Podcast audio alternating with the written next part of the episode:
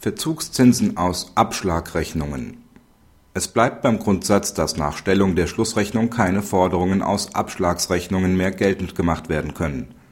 Hat der Auftraggeber dagegen Forderungen aus Abschlagsrechnungen verspätet beglichen, können die insoweit entstandenen Verzugszinsen ohne weiteres geltend gemacht werden.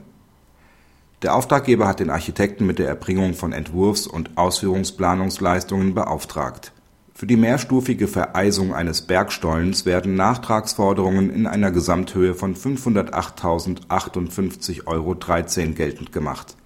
Der Auftraggeber bezahlt auf die diesbezügliche Abschlagsrechnung lediglich 50 Prozent.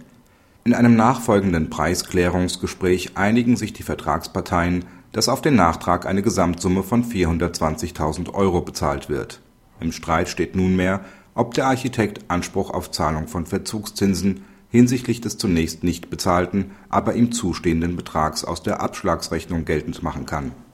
Irrelevant ist, dass nach der ständigen Rechtsprechung des BGH nach Abnahme der Bauleistung Forderungen aus Abschlagsrechnungen nicht mehr isoliert durchsetzbar sind.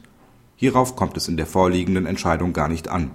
Es geht hier nicht um die Geltendmachung von Vergütungsansprüchen, sondern einzig und allein um die inhaltliche Begründung eines Anspruchs auf Zahlung von Verzugszinsen da die Abschlagsforderung unstreitig bestand und die weiteren Einwendungen des Auftraggebers nicht nachweisbar sind, spricht das OLG Frankfurt dem Architekten unter Zugrundelegung des § 16 Absatz 5 Nr. 3 VOB Teil b den Anspruch auf Verzugszinsen zu.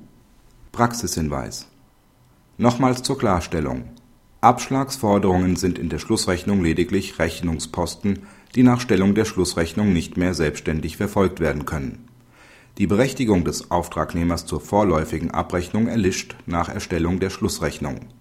Eine Abschlagsforderung verliert ab diesem Zeitpunkt ihre Durchsetzbarkeit. Gleiches gilt, wenn die Abnahme erfolgt ist, die Leistung des Auftragnehmers fertiggestellt und die Frist abgelaufen ist, binnen derer der Auftragnehmer die Schlussrechnung einzureichen hat.